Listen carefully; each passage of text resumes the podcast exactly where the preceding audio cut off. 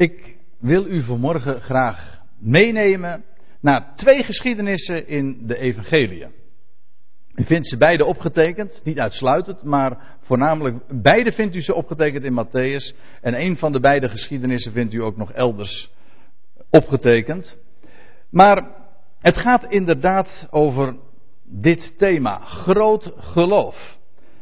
Twee keer in de Evangelie lezen we dat Jezus tijdens zijn rondwandeling hier op aarde zegt en uitroept: Groot is uw geloof.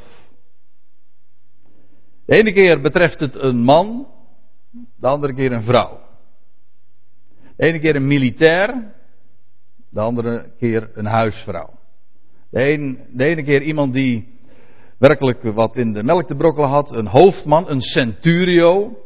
Een hoofdman over honderd betekent dat eigenlijk. We hadden het er al een keertje eerder over toen we het hadden over die geschiedenis van de, van de schipbreuk. Dat Paulus ook onder, onder begeleiding van een hoofdman, een centurio was gesteld. Een hoofdman over honderd betekent dat letterlijk. De ene keer dus zo'n zo'n militair en de andere keer een, ook een eerbiedwaardige militair die kon commanderen. En de andere keer betrof het een meelijwekkende vrouw die riep. En in beide gevallen lees je dat Jezus dan zegt: Groot is dat geloof. Nooit elders vinden we dat. Dan alleen in die twee geschiedenissen. En de vraag is: wat hebben die twee geschiedenissen met elkaar gemeen? Want als ik dan zo zeg van ja, de ene keer betreft het een man, de andere keer een vrouw, de ene keer een, een militair, en de andere keer een eenvoudige huisvrouw, de ene keer iemand die eerbiedwaardig is en die gehoorzaamd wordt, de andere keer een meelijwekkende dame. Wat is dan de overeenkomst? En daar wil ik met name wat dieper op ingaan, want juist in de overeenkomst dat wil ik laten zien. Juist in de overeenkomst tussen deze, dus deze twee figuren zit het geheim van het grote geloof. En dat wil ik dan vervolgens gaan toelichten aan de hand van wat Paulus schrijft in Romeinen 9 en Romeinen 10. Ik stel voor dat we eerst eens die geschiedenis, de eerste geschiedenis lezen in Matthäus 8. De hoofdman te Capernaum zeggen we dan, dat is de MBG-vertaling, de oude MBG-vertaling. En tegenwoordig heet het Kafarnaum. Farnachum zeggen ze in het Hebreeuws. Nou weet ik niet meer hoe je het echt moet uitspreken. Maar eigenlijk het is altijd goed, hè? daar komt het op neer. Hoe je het ook uitspreekt. Het, het dorpje Kfar, dat is, het, dat is Hebreeuwse woord voor dorp. En Nahum, dat is, uh, dat is ook de naam van een profeet. Nahum. En het was het dorpje van Nahum. Of het ook het dorp van de profeet Nahum is, dat is weer een andere vraag. Maar dat is wat die plaatsnaam betekent. En u vindt die geschiedenis in Matthäus 8, vers 5 tot 13. Ik stel voor dat we eerst eens die geschiedenis snel zullen lezen. Wat heet, ik zal toch even korte onderbrekingen iedere keer doen bij de verschillende dia's. Maar om uiteindelijk dan toch bij de verklaring te komen in de Romeinen 9. We lezen in, Romeinen, of in Matthäus 8 dan. Toen hij nu te Capernaum binnenging. Kwam een hoofd. Capernaum, weet wel, dat was de plaats trouwens waar de Heer Jezus woonachtig was. We lezen dat een paar keer in de Evangelie. dat hij een huis had. Weliswaar was zijn geboortestad en de stad waar hij opgegroeid was Nazareth. Maar later, toen hij een volwassen man was, toen is hij zich gaan vestigen in Capernaum bij het meer van Galilea. We lezen dat een paar keer dat hij daar een eigen huis. We lezen trouwens ook van dat Capernaum dat hij daar stuitte op een enorm massief ongeloof. Hij zegt dat later in ditzelfde evangelie ook nog, Matthäus 11, dat dan roept hij uit, als zou in Sodom en Gomorra de tekenen geschied zijn die hier in dit dorpje, Capernaum, geschied zijn, reeds lang zouden ze zich hebben omgekeerd. Met andere woorden, Capernaum, daar was zoveel gebleken van wie hij was en wat zijn pretenties waren. En had hij zijn claim ook bewezen en niettemin, het was ongeloof waar op stuitte. En tegen die achtergrond wordt deze geschiedenis trouwens nog bijzonderder. Als dat goed Nederlands is. Maar in elk geval, dan steekt dat tegen die duistere achtergrond nog veel meer af. Elk geval, het was dus Capernaum. Toen hij nu Capernaum binnenging, kwam een hoofdman, een centurio, tot hem met een bede en zei: Heere, mijn knecht ligt thuis, verlamd met hevige pijn. Het was een knecht, we lezen niet dat het een, een zoon of zo was van hem, maar het was, het, was zijn, het was een knecht van hem. Hij lag thuis, verlamd met hevige pijn. Hij zeide tot hem, dat wil zeggen, de Heer Jezus zei tot hem: Zal ik komen en hem genezen? Doch de hoofdman antwoordde en zeide: Heere, ik ben het niet waar dat gij onder mijn dak komt. Wetend ook trouwens dat hij een Romein was, geen Jood. Leg meteen al maar eventjes een, een tipje van de sluier op, want ja, dat, dat zal juist vanmorgen des te duidelijker iedere keer eh, naar voren gebracht worden dat hier nu juist ook het geheim in zit. Maar hij als hoofdman, als, Romeins, als Romein, zegt dan van, ach, ik ben het niet waard dat gij onder mijn dak komt. Maar spreek slechts een woord en mijn knecht zal herstellen. Want ik ben zelf een ondergeschikte met soldaten onder mij. Een hoofdman over honderd. Dat spreekt voor zich. Hij had dus honderd man onder zich. En ik zeg tot de een, ga heen, en hij gaat heen. En tot, en tot een ander, kom, en hij komt. En tot mijn slaaf, doe dit, en hij doet dat. En toen Jezus dit hoorde, verwonderde hij zich. En hij zei tot hen, die hem volgden, voorwaar zeg ik u, bij niemand in Israël heb ik een zo groot geloof, letterlijk zoveel geloof gevonden. Dan lees je nog verder, en in de, later in de geschiedenis, want ik kort, de heer Jezus voegt daar nog een aantal dingen aan toe, maar ik laat het eventjes in dit verband rusten. En dan staat er in vers 13 nog, en Jezus zeide tot de hoofdman, ga heen, u geschieden naar uw geloof. En de knecht genas juist op dat uur. Maar het gaat mij, uiteraard, dat zult u zich kunnen voorstellen, om dat tiende vers, dat Jezus tegen hem zegt, nadat die hoofdman, die centurio dus, gezegd heeft van, u hoeft niet eens bij mij in huis te komen. U bent iemand met autoriteit. Uw woord is voldoende. Waarom moet u helemaal onder mijn dak komen? Ik die het niet eens waard ben als Romein en aanspraak kan maken op, op iets van uw bediening. Kennelijk wist hij daarvan. Hij wist, dat zullen we trouwens straks ook nog zien, dat Jezus slechts gezonden was tot het huis van Israël. Dat verklaart ook waarom hij, hij kan zeggen. Dat had niets te maken met zijn positie. Hij had een, hij had een eerbiedwaardige functie. Een man van autoriteit. Maar juist daarom zegt hij ook, hij zegt ik ben een man van autoriteit, ik hoef maar te zeggen kom en mijn, en mijn slaaf die komt. Of tegen mijn knecht van ga en hij gaat. Doe dit en, en het gebeurt. Hij zegt want ik heb autoriteit. Met andere woorden, die autoriteit die ik heb, u hebt, u werkelijk autoriteit en u hoeft, al is het op afstand, al bent u niet aanwezig, u, u hoeft maar uw woord te spreken en het zal voldoende zijn. En dan zegt de Heer Jezus, Voorwaar, tegen de omstanders die daar dus bij staan. Ik zeg u, bij niemand in Israël heb ik een zo groot, zoveel geloof gevonden. Maar naar de andere geschiedenis. De Canaanese vrouw. Dat is een, uh, beetje een rare term, moet ik zeggen. Want het, je zou suggereren bij die. Zo, zo is het algemeen bekend, hè? de Canaanese vrouw. Niet de Canadese vrouw, dat is, dat is weer wat anders. Maar de Canaanese vrouw, je zou bij Cananees denken dat ze uit Cana kwam. Hm? Maar dat is niet zo. Ze kwam niet uit Cana, want Cana was ook een, pla was een in ten noorden van Israël, waar, waar de Heer Jezus ook zijn eerste wonderteken heeft verricht van het, de, het water dat in wijn veranderde. Maar dat was in Cana. Nu was de Heer Jezus, het is de enige keer trouwens ook dat we lezen in de Evangelie, dat Jezus buiten de landsgrenzen van Israël was. Hij was in de landstreken van Syro-Fenicië, in het huidige Libanon is dat, Tyrus, Sidon, we zullen dat trouwens ook lezen. En het was, eigenlijk zou je moeten zeggen, zo staat het ook in diverse andere vertalingen. Ik meen, de Engelse vertalingen geven het ook weer met de Canaanitische vrouw. Dus ze was gewoon een, een telg, eh, een nakomeling van de Canaanieten, dat wil zeggen de oorspronkelijke bewoners van het land. Die Jozua, weet u wel, moest verdrijven. Wel, over zo'n vrouw praten we dus. Over werkelijk dus een heidense vrouw. En dan staat er in vers 21, en Jezus ging vandaar en hij trok zich terug naar de omgeving van Tyrus en Sidon. Hij trok zich terug. Dat wil zeggen, hij had zijn dienst in Israël, maar om zich terug te trekken, ging hij juist naar het heidense land. Het is de enige keer, ik zei het al, dat we dat lezen. Juist om zich terug te trekken ging hij daar naartoe.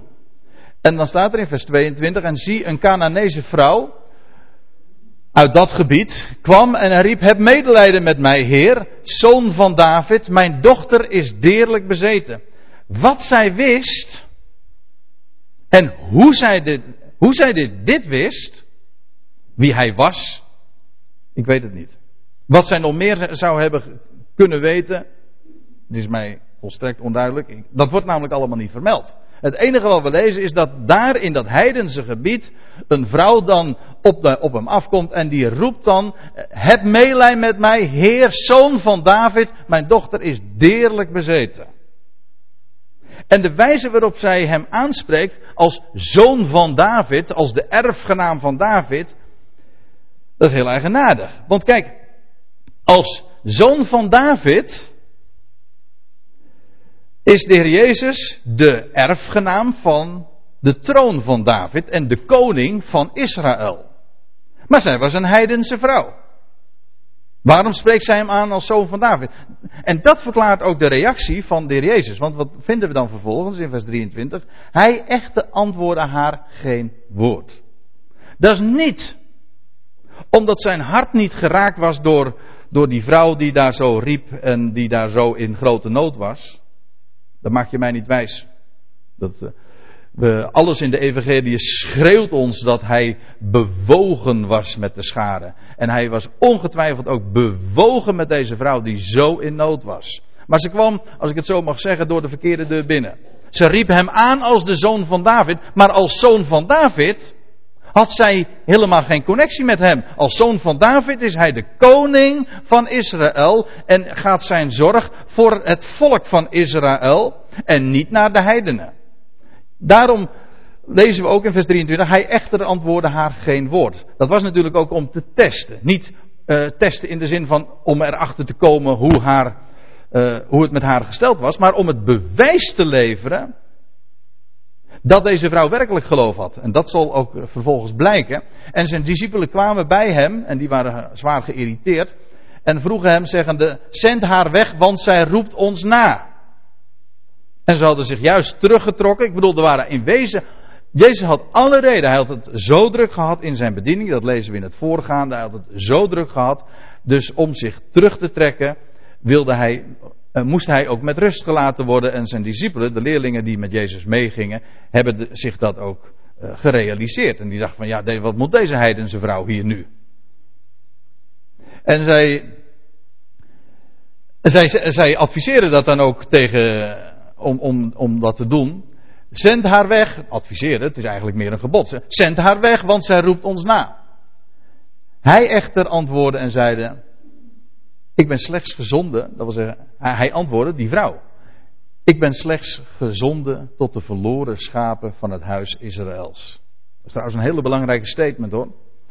In het algemeen, voor het verstaan van de evangelie. Daar ben ik vast van overtuigd. Ik denk dat er heel veel fouten ook gemaakt worden in het verstaan en in, het, in de uitleg van wat we vinden in de Evangelie, doordat het altijd maar zomaar lukraak wordt toegepast op ons die uit de heidenen komen.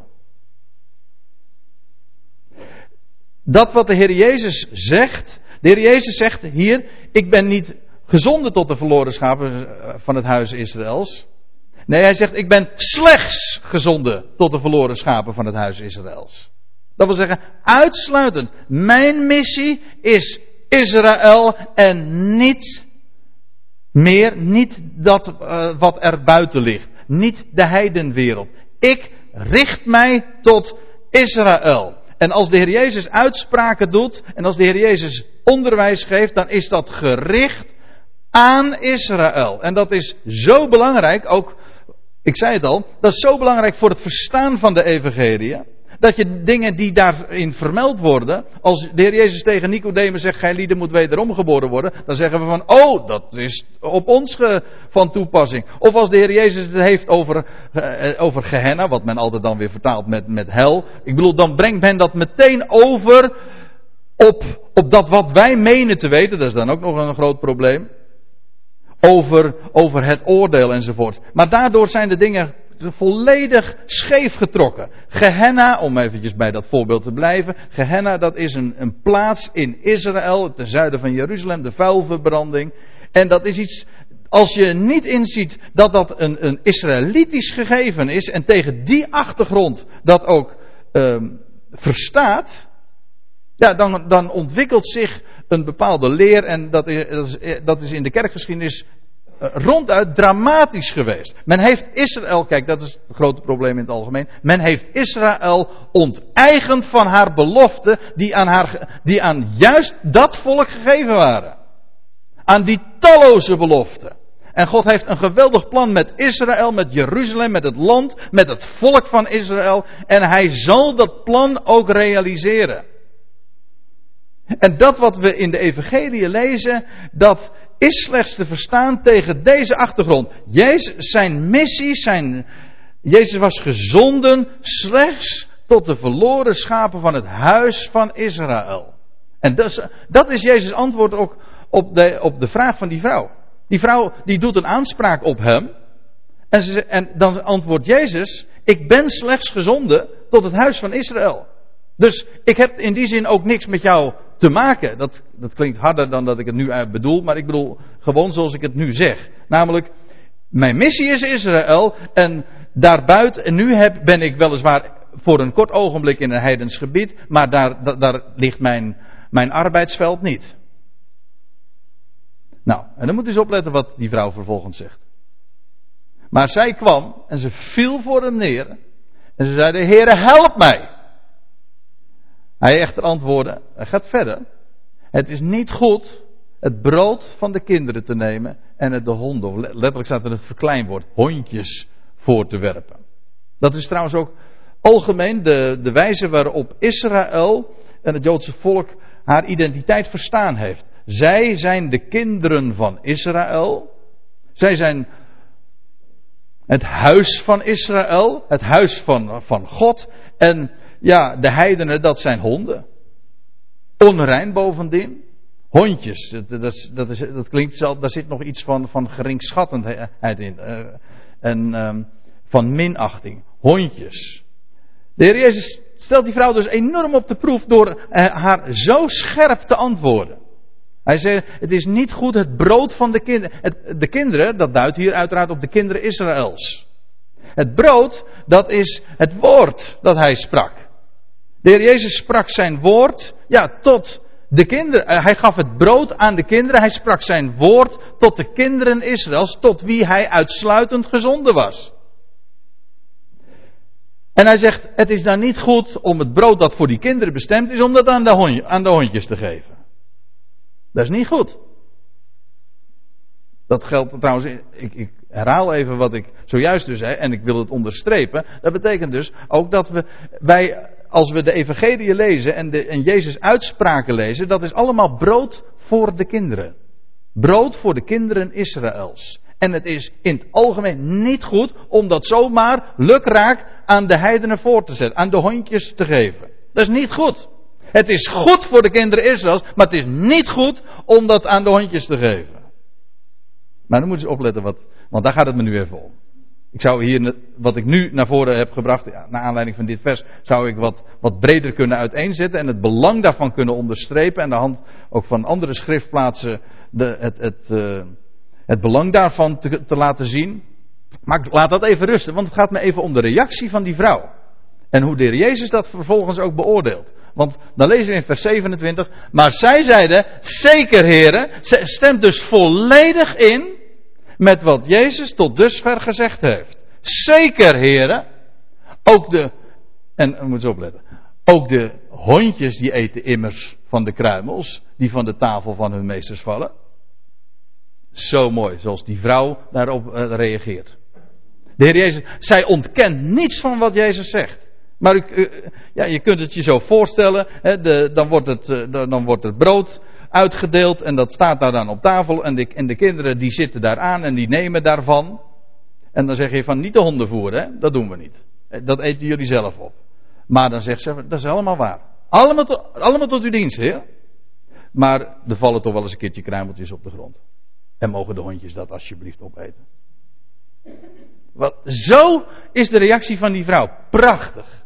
En dan lees je ook dat de Heer Jezus zegt in vers 28. Toen antwoordde Jezus en zeide tot haar: O vrouw, vrouw, groot is uw geloof. U geschiedde gelijk gij wenst. En haar dochter was genezen van dat ogenblik af. Exact dezelfde resultaat, trouwens, als wat we zojuist hebben gelezen van die hoofdman van het uh, Capernaum. Maar ook hier zegt de Heer Jezus tegen deze vrouw: Groot is uw geloof.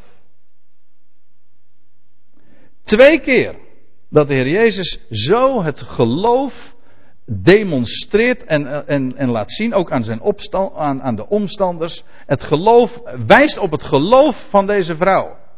In dit geval van deze vrouw, op, op het geloof van mensen. En in beide gevallen betreft het mensen, een man en een vrouw, een militair en een huisvrouw. In beide gevallen zijn er twee mensen buiten Israël. Groot is uw geloof. Hoezo groot is uw geloof?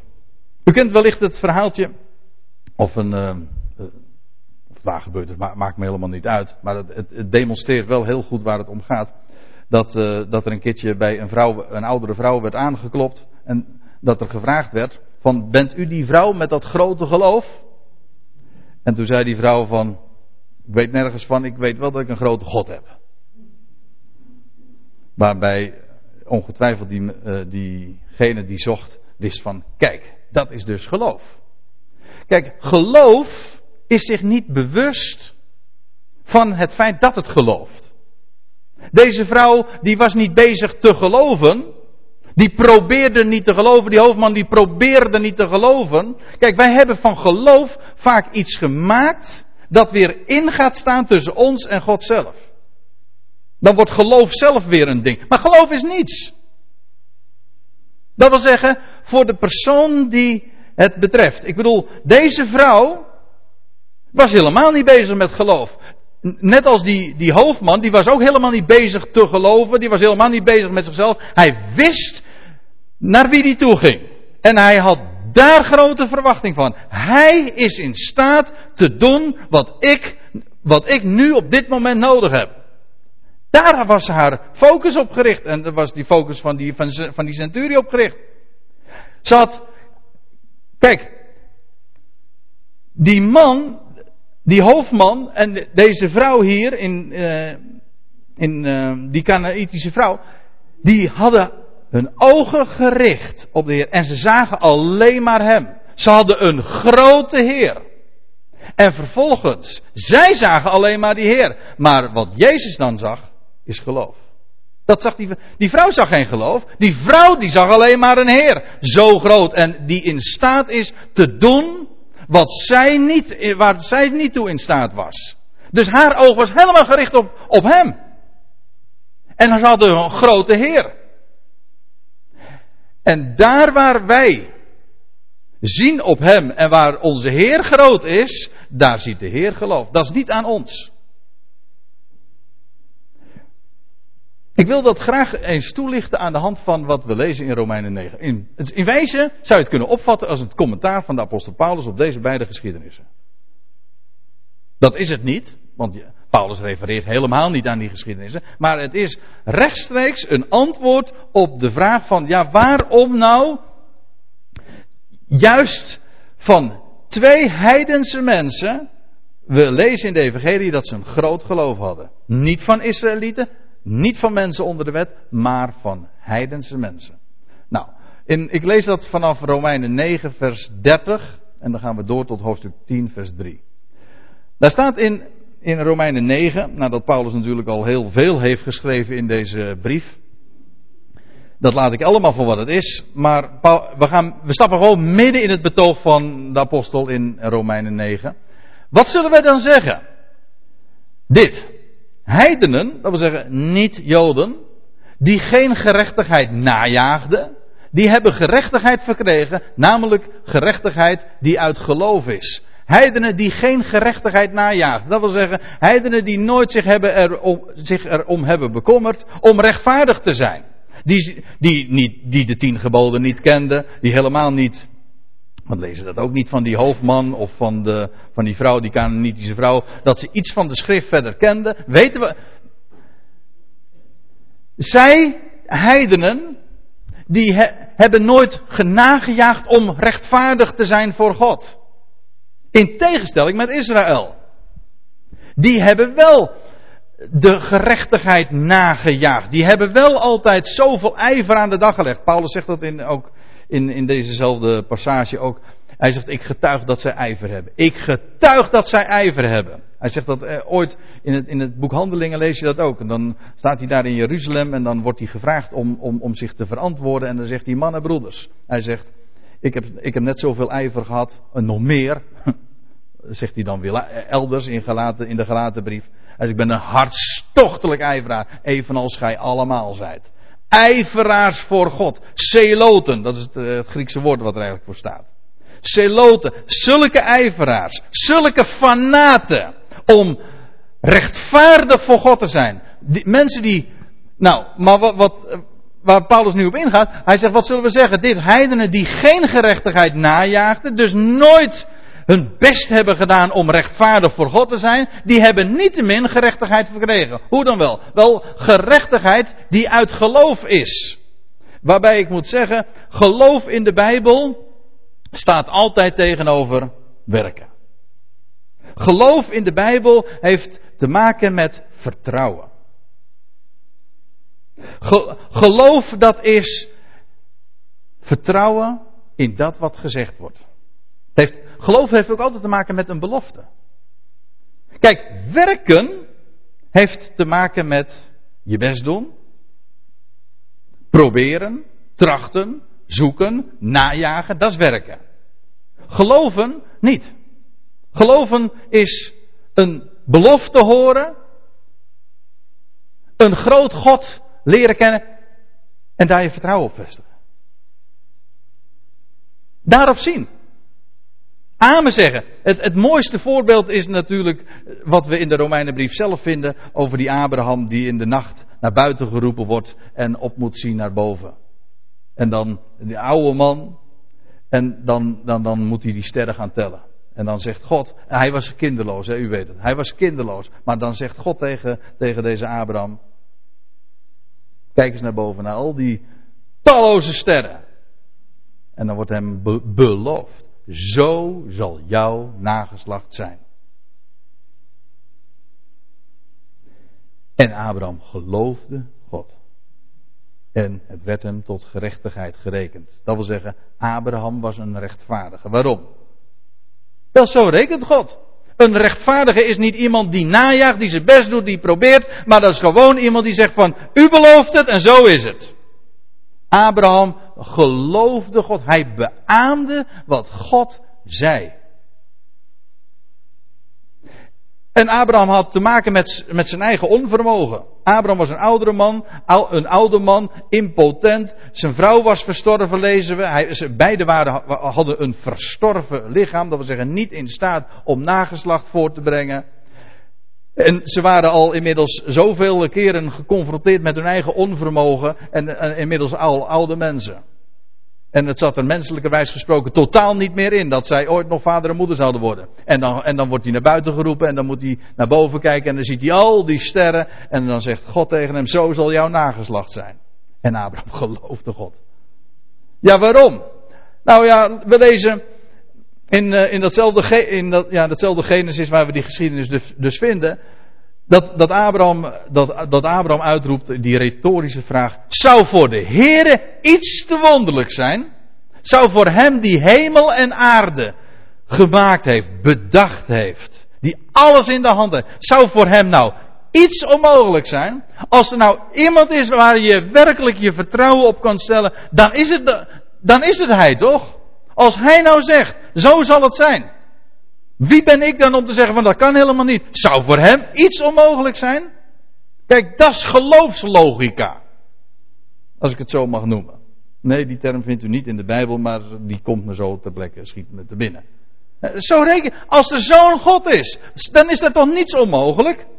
Wel, heidenen die hebben zich nooit bekommerd, die hebben zich nooit bekommerd om, om, om rechtvaardig voor God te zijn. En toch werden ze rechtvaardig. Waarom? Omdat ze hun best hebben gedaan? Nee, juist niet. Ze, helemaal niet. We lezen gewoon, ze, ze hebben gerechtigheid verkregen, namelijk gerechtigheid die uit geloof is. gerechtigheid heeft te maken, nou dat, dat, zal ik straks trouwens even toelichten. Ik ga eerst eventjes nog verder. Ja, dat lijkt me verstandiger. Is, maar dan lees je in vers 31, doch Israël, hoewel het een wet van gerechtigheid najaagde, is aan de wet niet toegekomen. Dus men was zo in de weer. Zo drukdoende. Zo fanatiek. Ook. En dat, zeg ik met het grootste respect hoor, begrijp me goed. Maar van Israël, het, het, het jaagde een wet van gerechtigheid na. En toch, ze zijn aan de wet niet toegekomen. Dat wil zeggen, ze hebben de wet niet begrepen. Dat is wat hier staat. Ze zijn aan de wet niet toegekomen. En de grote vraag is, waarom niet? Waarom is Israël niet aan die wet toegekomen? Waarom hebben ze nooit de zin van die wet begrepen? Het antwoord is, buitengewoon belangrijk. Het is de grote kernvraag. Waarom heeft Israël nou niet begrepen waar het in de wet om gaat? Waarom is aan de wet niet toegekomen? Hier vindt u het antwoord. Vers 32 van Romeinen 9. Paulus stelt, dezelfde vraag. Hè? Waarom nou niet? Ja, inderdaad, dat is de grote vraag. Dus wij zijn zeer gebrand op het antwoord op deze fundamentele vraag. Wel, Paulus zegt dit. Omdat het hierbij niet uitging van geloof, maar van, en vermeende staat er in onze vertaling dan bij, maar dat kun je gewoon weg. Het dat hebben de vertalers ertussen gevoegd omdat het hierbij niet uitging van geloof, maar van werken. Dus Israël is aan de wet, aan de Torah, toch niet toegekomen. Waarom niet? Wel omdat men uitging van werken in plaats van geloof. Waarmee dus gezegd is dat de wet dus ten diepste geloofd moet worden en niet gewerkt moet worden. Wil je dat herhalen? Ja, dat wil ik graag herhalen, want dit is namelijk buitengewoon belangrijk. Waarom is Israël niet toegekomen aan de wet? Omdat ze dacht dat de wet gewerkt moest worden in plaats van geloofd moest worden. Weet u wat het verschil is? Een opdracht werk je. Hm? Als ik een, een opdracht geef aan mijn kinderen van ruim de tafel op, dan is dat een op, ja, dan doen ze dat niet, zegt u. Want jij bent geen man van autoriteit. Jij bent zo van doe dat en zij doen dat. Nee, daar zijn we nog mee bezig trouwens hoor, met, die, met dat systeem.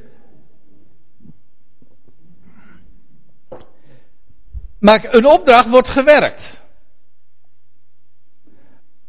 Een belofte niet. Een belofte kan je niet werken. Een met een belofte kan je maar één ding doen. En dat is geloven. Ja, of niet. Dat is, dat is, is ook nog een optie. Maar je kunt een, een, belofte niet werken. Kijk, als Abraham te horen krijgt. Ik blijf even bij dat Bijbelse voorbeeld, omdat dat namelijk zo, zo karakteristiek, zo kernachtig weergeeft waar het allemaal om draait. Als Abraham naar buiten geroepen wordt en hem wordt beloofd, zo zal jouw nageslacht zijn. Wat, wat kon hij daarmee doen? Moest, werd, Abraham daarmee aan het werk gezet? Moest hij werken? Moest hij iets najagen? Nee, helemaal niets. Dat werd hem namelijk beloofd. En een belofte kan je niet werken. Een belofte kan je alleen maar geloven. Zo is het. En zo, eh, eh, je leest dus, Abraham geloofde God en dat werd hem tot gerechtigheid gerekend. Dat is wat God waardeert. Niet dat we ons best doen voor hem. God zegt, ik ben degene. En kijk, geloof heeft altijd, ik zei het eh, bij, naar aanleiding van die, die twee geschiedenissen al. Geloof heeft te maken met, met de focus die volledig gericht is op Hem. Wel, Hij is degene die zich voorstelt in de Bijbel. Hij is degene die zich voorstelt als degene die God is. Die alles in de hand heeft, bij wie nooit iets misgaat, die zijn belofte geeft, die zegt, ik ben Heer, ik heb de, alles in de hand. Ik ben ook redder. Of je het nou gelooft of niet, maar ik ben je redder. Eh, kijk, men heeft van, het kan heel subtiel zijn, hè? Men heeft van geloof vaak weer een werk gemaakt. Daar moet je helemaal uitkijken. En dat is wat gebeurd is binnen de, de kerkgeschiedenis, in de loop van de, van de eeuwen, is geloof weer een werk geworden. Dan gaat geloof instaan tussen ons en de Heer zelf. Dan wordt geloof in plaats van een kanaal een blokkade, een voorwaarde. Kijk, om even bij één punt te blijven. God zegt, ik ben de redder van alle mensen. Van Jezus Christus lezen we, Hij is de redder van de wereld. De heiland der wereld. Dat is Hij. Ja, maar je moet het wel geloven, zegt men. Dan heeft men van geloof een voorwaarde gemaakt. U zegt, ja, maar heeft geloof er niks mee, mee te maken? Jawel, maar geloof is een kanaal. En geen voorwaarden, geen blokkade. God zegt, ik ben de redder van alle mensen. Dat wordt effectief, dat is waar, op het moment dat de mens gaat geloven. Maar dat geloof is geen voorwaarde, maar dat is de wijze waarop het realiteit wordt. Maar God gaat dat geloof ook gewoon geven aan iedereen. Zodat ook dat geloof een gave Gods is. Het is de wijze waarop Hij inderdaad redder wordt. Het is zijn middel dat hij toebedeelt. Het is een instrument in zijn handen. Het is nogmaals een kanaal, geen blokkade. Op het moment dat je het een blokkade maakt, heb je van geloof weer een werk gemaakt. Want dan wordt het een voorwaarde waarbij, waarbij wij onze best moeten doen om, opdat hij onze redder wordt. Kijk, en, wees, en in wezen, en kijk, en dat is het, waarom het zo enorm tricky is waar we het nu over hebben. Op het moment dat je van geloof een voorwaarde maakt, ben je bezig met ongeloof. Kijk, als God zegt, ik zal tegen Abraham, zo, eh, ik zal jouw nageslacht zo maken als de sterren des hemels, dat is een belofte. Dat kon slechts geloofd worden. Op het moment dat Abraham dat betwijfelde en zei van ja, ik, ik zal mijn best doen. Daarmee had hij, als Abraham gereageerd, ja, ik zal mijn best doen, dan had hij slechts gedemonstreerd dat hij God dus niet geloofde. ja, u zit daar nou weer om te lachen om dit voorbeeld, maar. En zo is het trouwens ook, het is ook heel, het is wel, wel lachwekkend gegaan hoor, in de geschiedenis, dat moet ik er ook bij zeggen. Ze hebben hun zoon uiteindelijk zelfs ook lachen genoemd. Yitzchak betekent lachen. Maar begrijpt u? Geloof, om even terug te komen op dit 32e vers van Romeinen 9. Waarom niet? Paulus zegt, omdat, omdat Israël niet uitging van geloof, maar van werken. En bij een andere gelegenheid hebben we er wel eens een keertje bij stilgestaan. En ik wil dat nu niet te ver, uh, ik wil dat nu verder niet gaan uitweiden, maar ik, ik noem het toch even. Ook de wet is ten diepste, ik bedoel de Torah, de, God, de Torah die God aan Israël heeft gegeven, de tien woorden en al die wetten zijn uiteindelijk beloften. Als God zegt, gij zult de Heer uw naam, de Heer uw God lief hebben, dan is dat niet je moet. Kijk, Israël heeft, daar, heeft eronder verstaan van een opdracht om te werken. En God zegt, als straks de, de bedekking van de wet wordt weggenomen. Als de bedekking van, nee, ik moet het anders zeggen. Als straks de bedekking van het, van het hart van Israël wordt weggenomen, dan zullen ze ontdekken wat het werkelijk betekent. Niet een opdracht om te werken, maar een belofte om te geloven. Als God zegt, op het moment dat je je realiseert van, gij zult de Heer uw God lief hebben. Op het moment dat je dat gaat geloven, ga je opzien naar boven en dan wordt de belofte ineens werkelijkheid. Op het moment dat je, zolang je bezig bent van, ja, ik moet God wat meer lief hebben. Hè, we, gaan, we jagen na om Hem lief te hebben, dan ben je in wezen bezig met je geloof.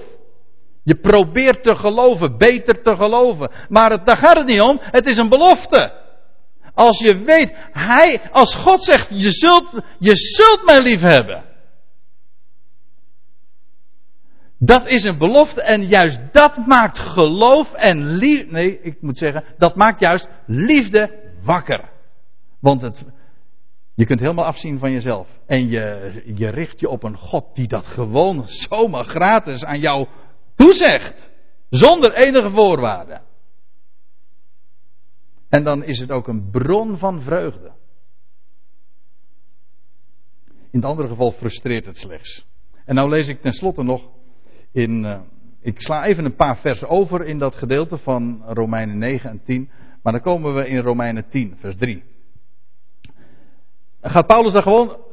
Uh, zet hij het betoog voort en dan zegt hij: Want onbekend met Gods gerechtigheid. En trachtende letterlijk staat er, zoekende hun eigen gerechtigheid te doen gelden, letterlijk te, te doen staan, hebben zij zich aan de gerechtigheid van God niet onderworpen. Gods gerechtigheid. Weet u wat Gods gerechtigheid is? Afgelopen woensdagavond hadden we hier in Zoetermeer een, een huiskring, een bijbelstudie. Toen hebben we er al even wat over uh, gebrainstormd en de schriften daar wat op nageslagen.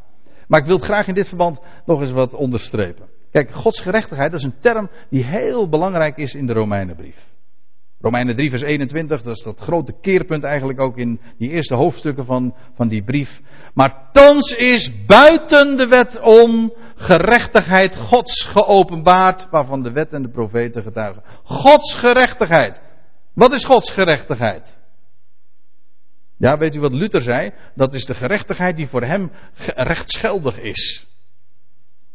Hey, Weet u wat Gods gerechtigheid is? Nou, wat is Gods barmhartigheid nou? Gods barmhartigheid wil zeggen, God is barmhartig. God doet barmhartig. Gods heiligheid is, dat betekent dat God heilig is. Gods gerechtigheid moet je niet anders uitleggen. Gods gerechtigheid wil niet anders zeggen dan dat God recht doet. Simpeler kan het niet. En moeilijker is het niet. Gods gerechtigheid is dat God recht doet. Recht doet we aan wat?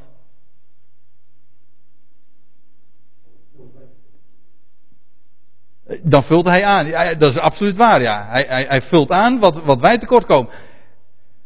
Gods gerechtigheid is niet de gerechtigheid die hij vraagt, maar is de gerechtigheid die hij geeft. God doet recht aan zijn woord. Dat is Gods gerechtigheid. Gods gerechtigheid is dat hij een belofte. Kijk, u weet het hè. Als je een belofte doet, dan maakt dat schuld. Belofte maakt schuld. Als je een belofte doet, dan heb je dat ook na te komen. God heeft zijn belofte gegeven.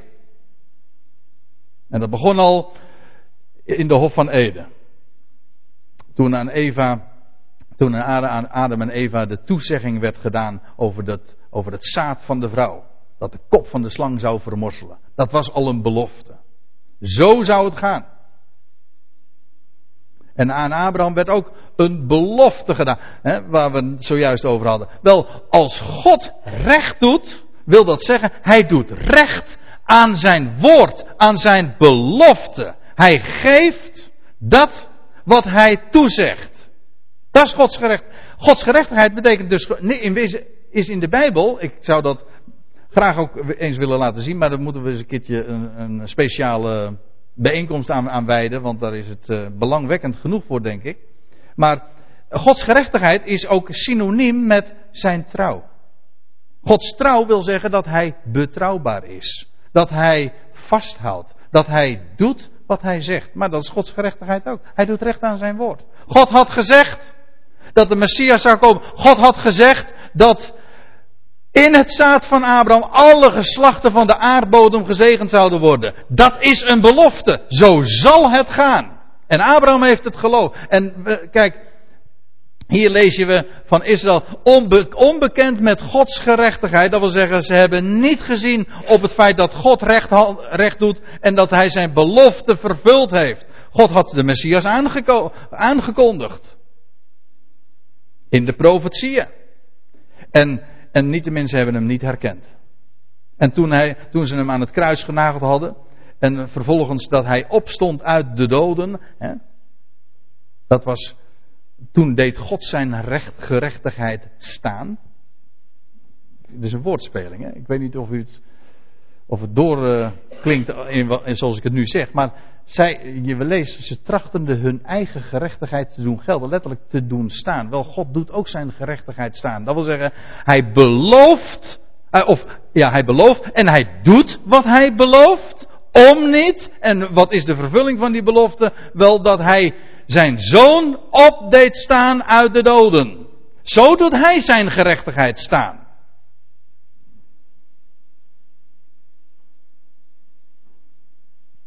Wel, God had, zijn, uh, God had zijn zoon gegeven en vervolgens lezen we dan in het boek Handelingen en Paulus gaat daar in deze hoofdstukken op in, op, in Romeinen 9 en 10 en 11.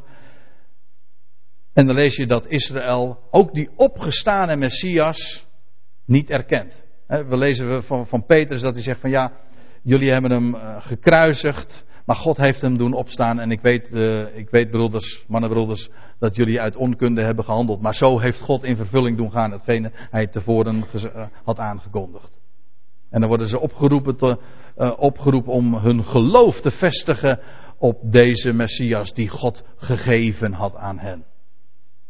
En leven zou geven door die Messias. Wel, ze hebben het afgewezen. Ook dat komt trouwens weer uiteindelijk allemaal weer op zijn pootjes terecht. Want het blijkt dan toch allemaal weer in het plan van God te passen. Kijk, zo is onze God. Hè. Zij is zo groot. Alles past in zijn plan. Alles. Maar dan ook werkelijk alles. Maar zij waren onbekend met Gods gerechtigheid. Zij wilden niet. Zij waren zo bezig met hun eigen gerechtigheid. Dat staat er ook, hè? En trachtende hun eigen gerechtigheid te doen staan. Dat woord trachten is wel mooi hoor. Is, is karakteristiek voor werken.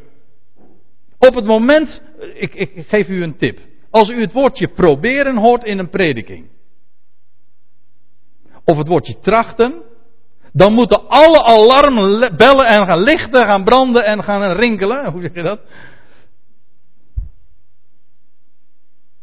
Omdat het namelijk precies aangeeft dat het kennelijk gaat om werken. We moeten, dat kan ook met geloof, hè? Ik, ik probeer te geloven ben je bezig met werken. Want weet je wat geloof is? Dan probeer je helemaal niet. Je bent je bewust juist van je onvermogen, maar waar hij wel toe in staat is. God belooft. Daar is helemaal niks aan te proberen. En daar had die Syro-Fenicische, die Canaanitische vrouw en die hoofdman hun oog op gevestigd. Ze hadden een grote heer. En ze hadden een geweldige belofte. En ze wisten van, zelfs al krijg ik die vrouw die wist, zelfs al heb ik maar een kruimeltje van de, dat van de tafel valt, dan heb ik daar al meer dan genoeg aan. Kijk, dat is geloof. Was die vrouw bezig met geloven? Was die vrouw bezig de beste te doen? Was die vrouw zo'n super vrome vrouw? We lezen er niets van. Weet u wat die vrouw had? Die wist, die man die daar loopt, daar kan ik het van verwachten. Die kan mij helpen, die kan mij helpen en kan mij geven wat ik nodig heb. En aan een kruimeltje heb ik al genoeg. Dat is geloof.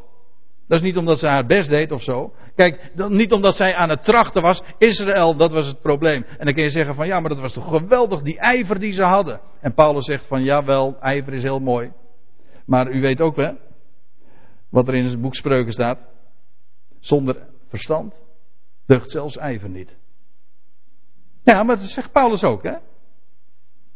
Je kan natuurlijk wel vreselijk in de weer zijn en proberen en trachten enzovoort. Denken, geweldig en wat een ijver, ja. Maar als je niet je verstand gebruikt, als je, kijk en dat is waar Paulus het hier ook over heeft. Hè. Ik heb mijn bijbeltje wel bij me, maar ik, kan het, ik zou het even moeten voorlezen. Maar als u, ik heb nu even een paar versen overgeslagen, maar ik geloof dat het Romeinen 10 vers 2 is, waar, waar staat, wie heeft hier een bijbeltje? En lees het dan even aan me voor.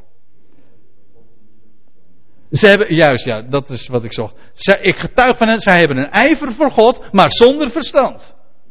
En dan zegt hij, want onbekend met Gods gerechtigheid en trachtende hun eigen gerechtigheid te doen staan, hebben zij zich aan de gerechtigheid van God dus niet onderworpen. waarom niet? Ja, ze waren zo bezig met hun eigen gerechtigheid. Ze waren zo bezig met trachten. Ze waren zo bezig met proberen. Maar dat was nu juist het probleem. God had beloofd. Wat valt het te proberen als God belooft?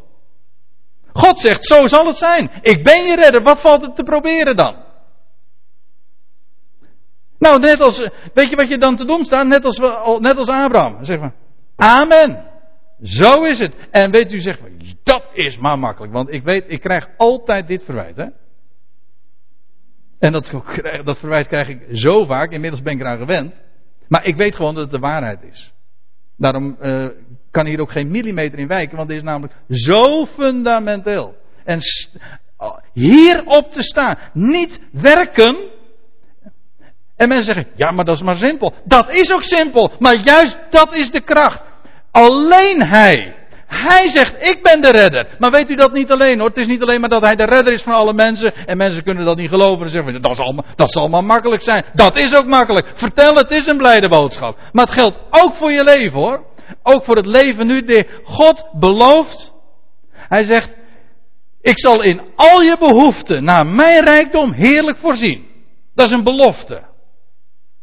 En wij maar proberen, zeg maar, in onze behoeften te voorzien en uh, ons leven, zeg maar, veilig te stellen. We geloven het niet echt, hè? Want we denken God een handje te moeten helpen. We zijn maar bezig met trachten en proberen. En denken dat we daar rijker van worden. En dat is niet waar. Het is de, waarheid, het staat in het Oude Testament. Het is niet Paulus die dat zei, maar het staat al in het Oude Testament. De zegen van de Heere maakt rijk. En zwoegen voegt er helemaal niks aan toe. Ja. Mooi is die, hè? Zwoegen voegt er dus helemaal. Als God je zegen, dan word je schat hemeltje rijk. En, of, en u zegt van, dat, is dat financieel? Ik zeg, nou, dat zou natuurlijk kunnen. Maar dan gaat het helemaal. Maar dat is, dat is helemaal niet eens de rijkdom waar het. Waar, wat echt rijkdom is, hè? Weet je wat rijkdom is? Dat je genoeg hebt. Dan ben je rijk. En je zal maar miljardair zijn maar nog iets willen hebben wat je, wat je want u weet het, hè, de, de beste dingen, the best things in life are free, zeggen de Engelsen. De belangrijkste dingen en ook de beste dingen, die zijn gewoon uiteindelijk gratis. En, en, je, en je zal maar inderdaad alles hebben. Ik las van de week een spreuk. Ik heb me juist van afgelopen woensdag of donderdag had ik het nog met mijn vader erover.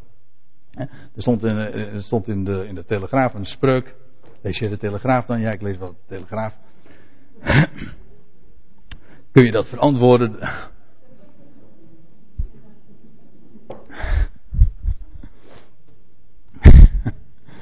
maar daar stond, zij die gezond zijn, wensen vele dingen. Zij die ziek zijn, wensen slechts één ding. Die vond ik wel heel sterk. Maar hoe kwam ik daar nou op? Oh ja, en dat ging erom dat, dat, God voor, dat God voor ons zorgt. En die belofte, kijk, en die geeft, en hij geeft ons zijn vrede. De vrede van God, die alle verstand te boven gaat. Als je ziet en vertrouwt op de God die je geeft wat je nodig hebt. Die alles geeft wat je nodig hebt. Die in al uw behoeften naar zijn rijkdom voorziet. En ik weet het. Dus je kunt dat voor God niet invullen, maar vertrouw Hem daarop. En dat geldt ook als het gaat om de heiliging. Mensen zijn altijd maar bezig zichzelf te reinigen en te heiligen. Zo wordt het ook gepredikt. Zichzelf te reinigen, zichzelf te heiligen. En ze hebben het er zo druk mee. En het frustreert zo, want weet u dat het is eigen aan het woordje trachten. Hè? Trachten is altijd frustrerend ik vind al, al zo'n frustrerend. Ik vind het een vermoeiend woord, ik vind het ook een frustrerend woord. Als je iets tracht. Ja, ik, ik, ik, heb, het, ik heb het getracht te doen. Hm? Dat betekent dat het niet gelukt is, dus. Hè? Ja, ik, ik, probeerde het, maar ja, het is niet gelukt. Dat is proberen. Men probeert maar. Maar als het nou werkelijk, de echte dingen in het leven, de echte dingen waar het werkelijk om gaat, om vrede en om vreugde en om hoop enzovoort, die kun je, eens, die, die kun je helemaal niet eens verwerven door te trachten. Je kunt niet op commando blij zijn. Je kunt ook niet blijdschap uh, kopen of verwerven. Dat gaat allemaal niet. Weet je wat je wel kunt doen? Op iemand die alles in zich heeft en die belooft alles te zullen geven naar jouw behoefte. Rijkelijk. Dat kan je wel. En voor de rest is het zo waar wat hier staat. Want onbekend, over Israël spreekt, onbekend met Gods, uh, met Gods gerechtigheid en trachtende hun eigen gerechtigheid te, te, doen staan, hebben ze zich aan de gerechtigheid van God niet onderworpen. Waarom niet? Nou, het antwoord is heel simpel. Ze hebben Gods gerechtigheid, dat wil zeggen de vervulling van zijn belofte. Dat God recht deed aan zijn woord, hebben ze, ze zijn daar compleet aan voorbij gegaan. Waarom? Omdat ze zo bezig waren hun eigen gerechtigheid te doen gelden en te doen staan. Daar waren ze mee bezig. En dat maakte hen blind. Terwijl het maar om één ding gaat op hem. En op het zien van hem. En hoe meer we hem zien, hoe groter ons geloof. Maar dat is niet iets aan ons. Houd dus op, dat is, dat is het laatste wat ik zeg. Houd dus maar op te geloven en proberen te geloven. Zo bedoel ik het. Probeer niet te geloven. Gewoon zie op hem. Ik stel voor dat we een lied gaan zingen.